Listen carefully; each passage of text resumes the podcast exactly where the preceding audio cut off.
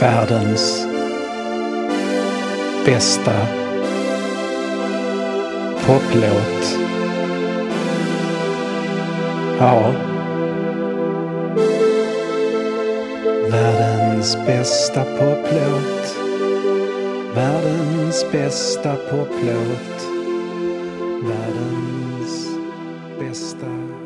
Världens bästa poplåt det här igen med en djupdykning ner i 1978 och världens bästa och möjligen också världens mest omöjliga poplåt. Men innan vi vandrar djupt in i skogen mot det glömda landet där poplåten bor så har jag ett erkännande. Jag har barn. Och ännu värre, jag har varit barn.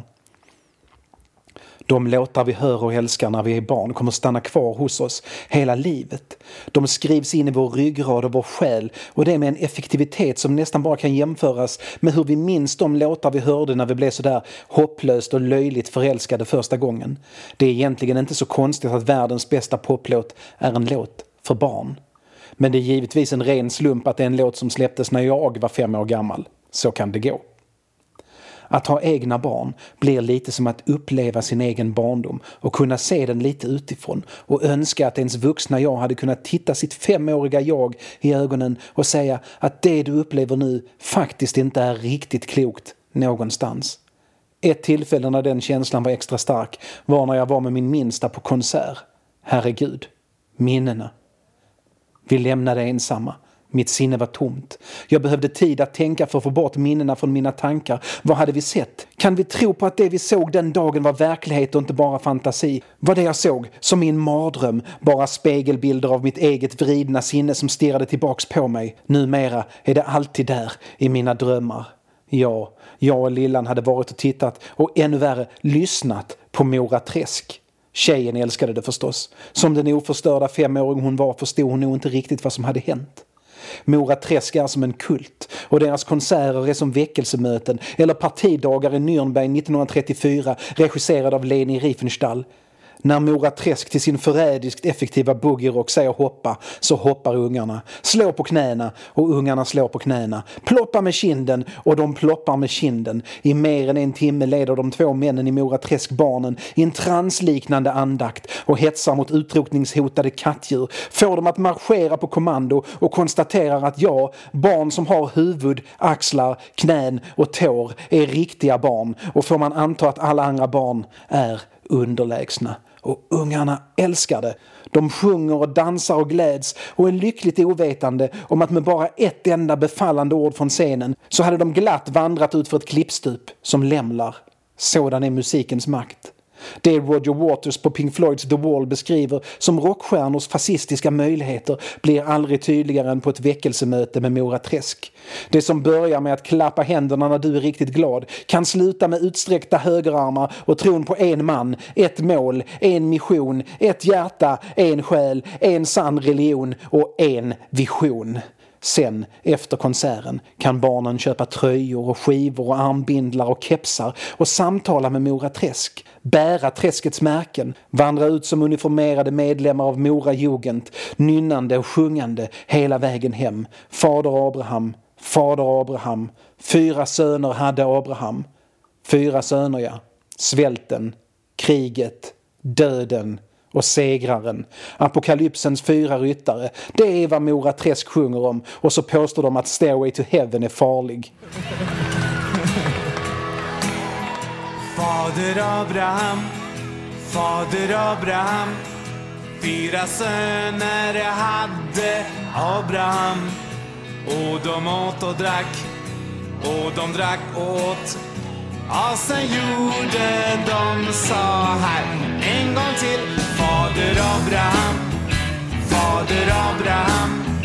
Fyra söner hade Abraham. Och de åt och drack och de drack och åt. Och sen gjorde de så här Höger hand, Fader Abraham Fader Abraham.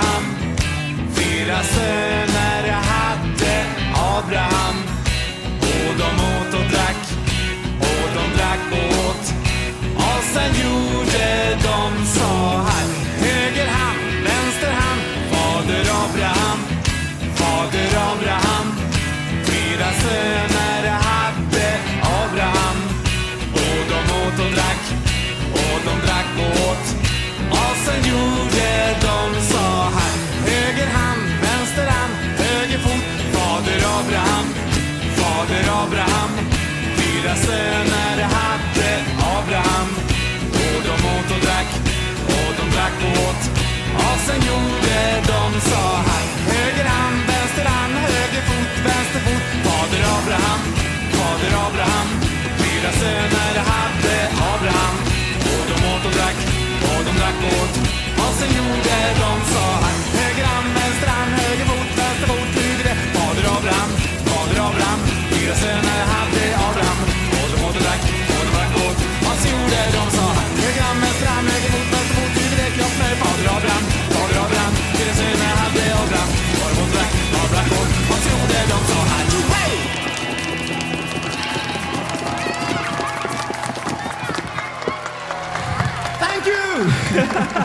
Det betyder tack tror jag.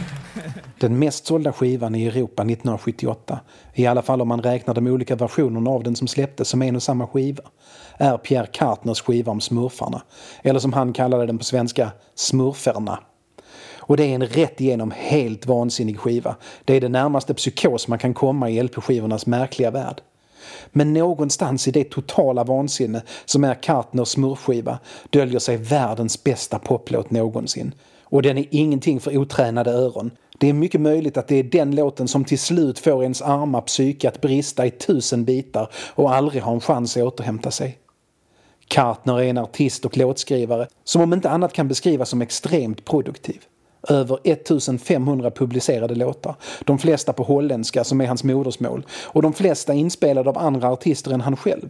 Kartner är också en av världens minst politiskt korrekta artister.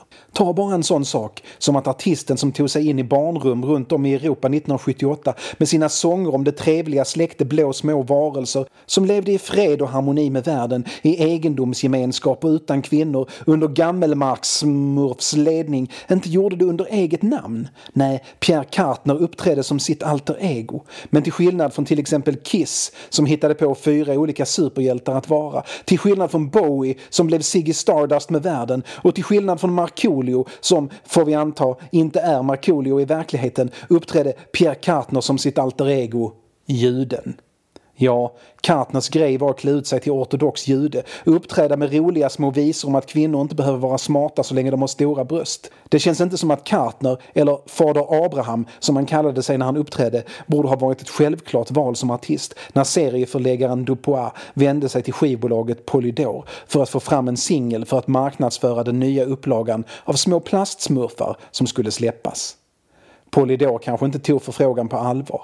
Eller så anar de att den där låtskrivaren som gillar att skoja till det genom att klä ut sig till ortodox jude nog skulle kunna producera en monsterhit. Hur den gick till så får Kartner i uppdrag att snabbt som attan skriva en smurfsång och är det något Kartner kan så är det att skriva låtar snabbt som attan. Redan samma dag är han klar och eftersom Kartner inte bara är expert på att klä ut sig till jude utan också är multiinstrumentalist så spelar han raskt in hela låten själv. Han skapar smurfröster genom att tredubbla hastigheten på den egna rösten och smurfsången döper han fantasifullt till Smurfenlied, smurfsången. Skivbolaget är lite tveksamma. De ville ha en låt. Inte en man utklädd till ortodox jude, komplett med långt skägg och fejklockar under den svarta hatten, som till någon sorts dansbandsmusik och uppspidade smurfröster sjunger om hur dåligt det är när smurfar försöker vara individualistiska. Men de släpper ändå den som singel i tusen exemplar.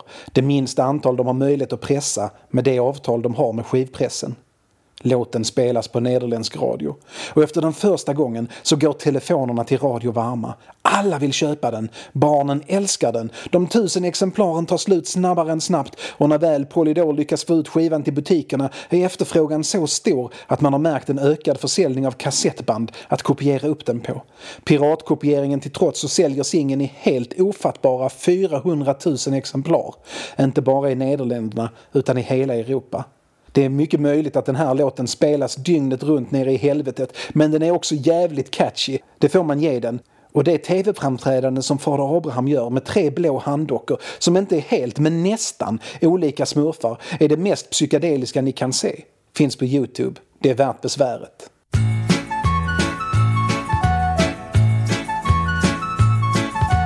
Var komen jullie Hebben jullie ook een eigen taal? Ja, die spreken wij allemaal.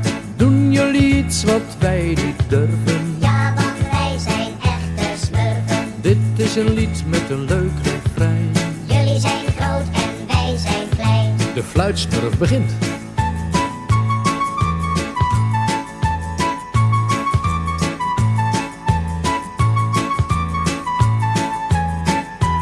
Ja, zing maar na.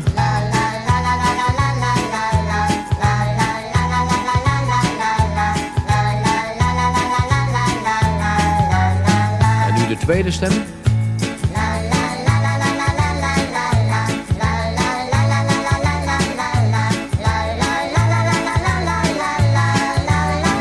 En allemaal.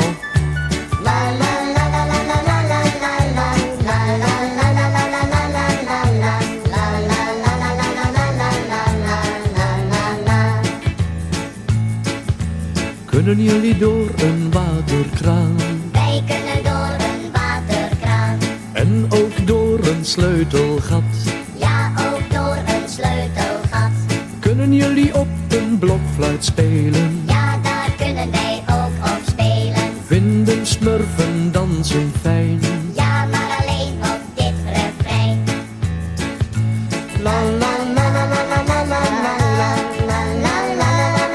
Hey, wie is daar verkeerd aan het smurfen? Hey, Yes, sir.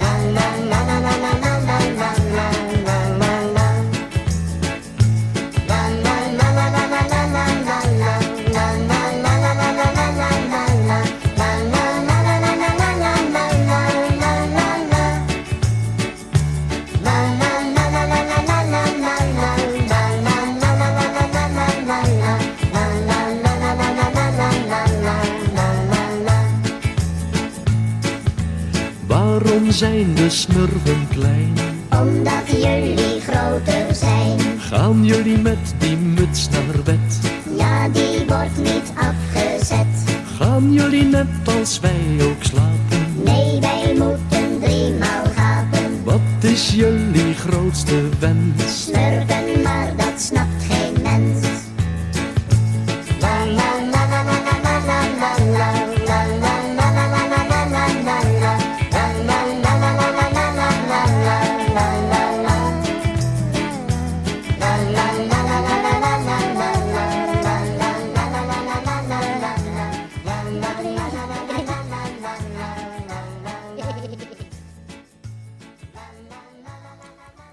Skivbolaget tjänar högvis med pengar. Och det gör skivbolaget glada.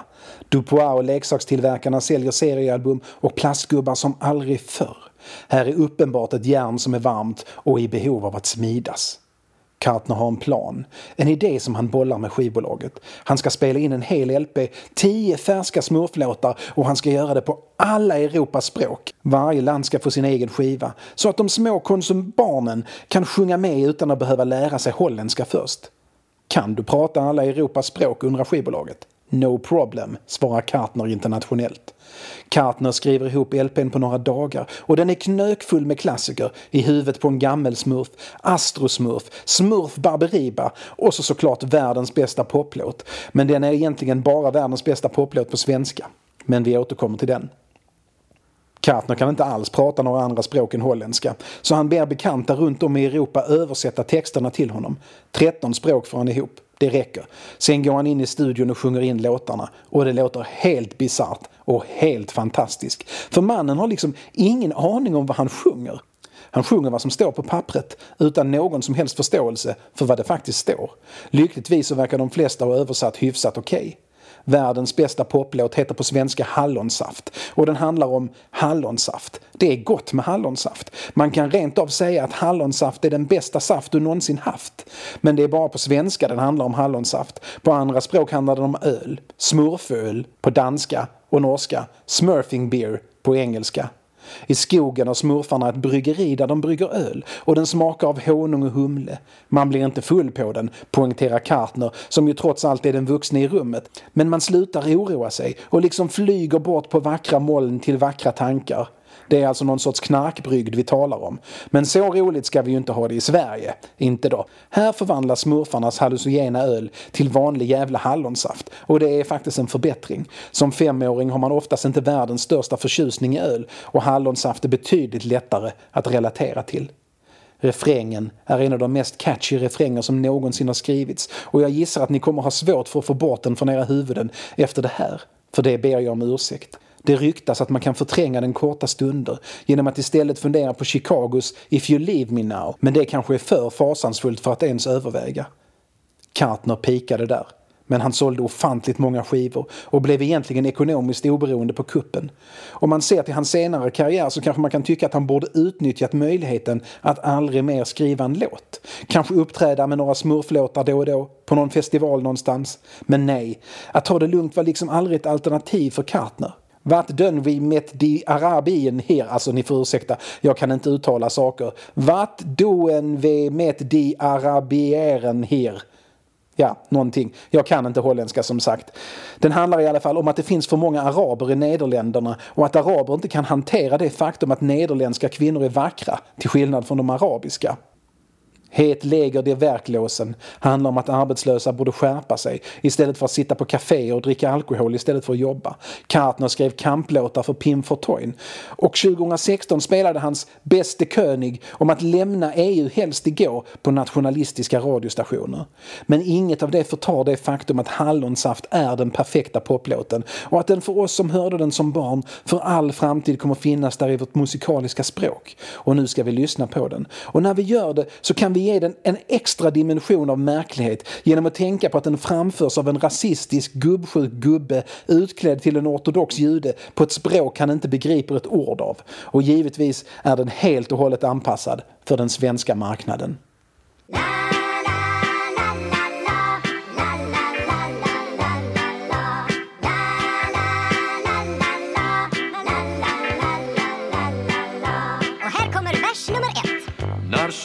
understand up.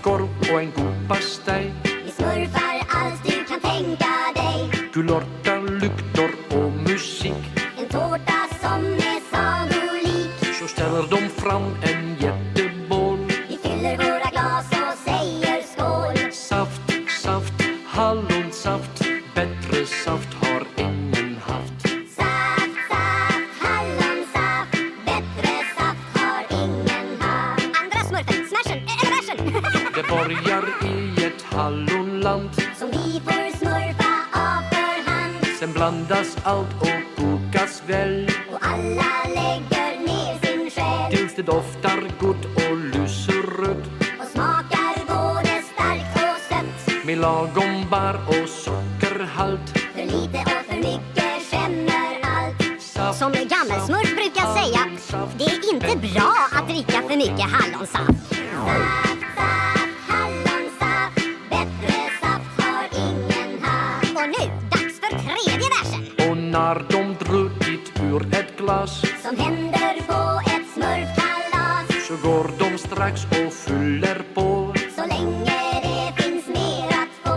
Få. Ju mer de dricker skrattar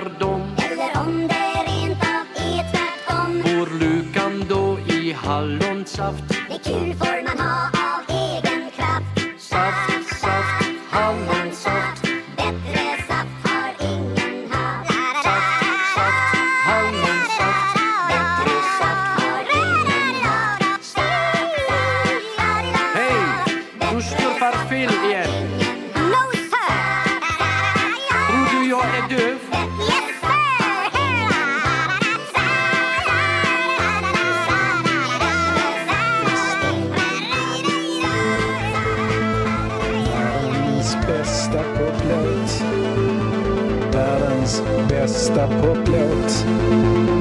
Världens bästa poplåt.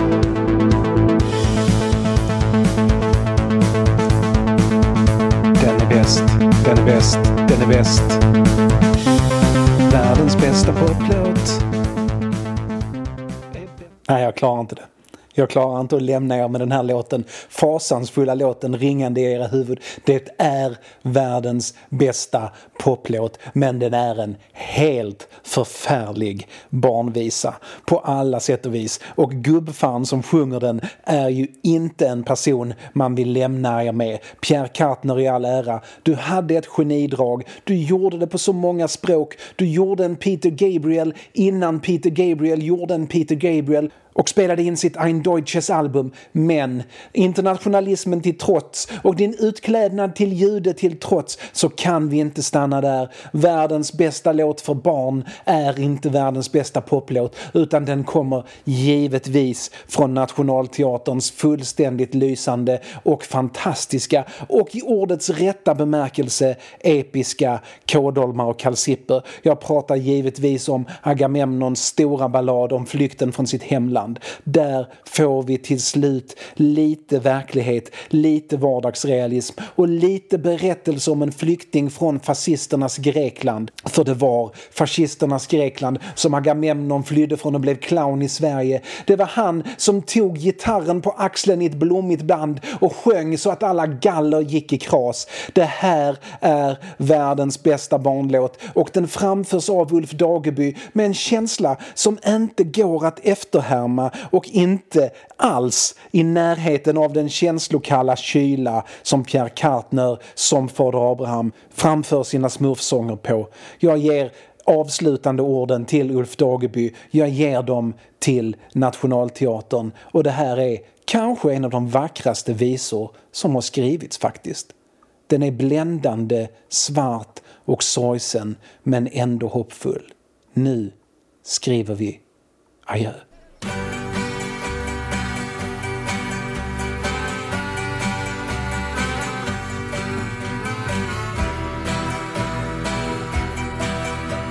Det var i april i Grekland. Vindruvorna var nästan mogna och jag satt på ett torg och sjöng om blommorna som just slagit ut.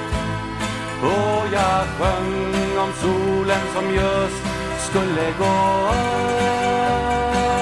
upp och sprida värme bland trasiga och små.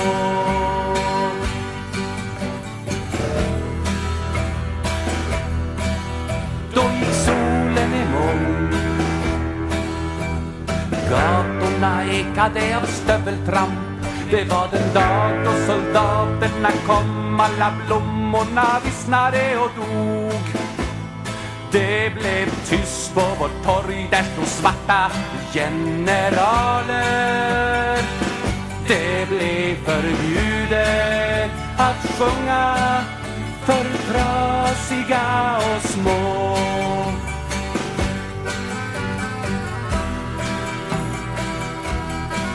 Jag måste fly från mitt land. Jag flydde från Grekland hit till Sverige. Jag gick ut i en stad, det var morgon och någon satt och sjöng på ett torg. Och han sjöng om solen som just skulle gå upp och sprida värme bland trasiga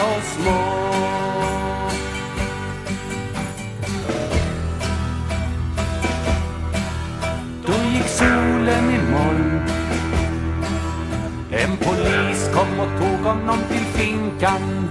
Jag blev arg och gick dit med gitarren på ryggen i ett blommigt band och jag sjöng så att alla galler gick i kras. Sen gick vi ut tillsammans och sjöng sånger för trasiga och små.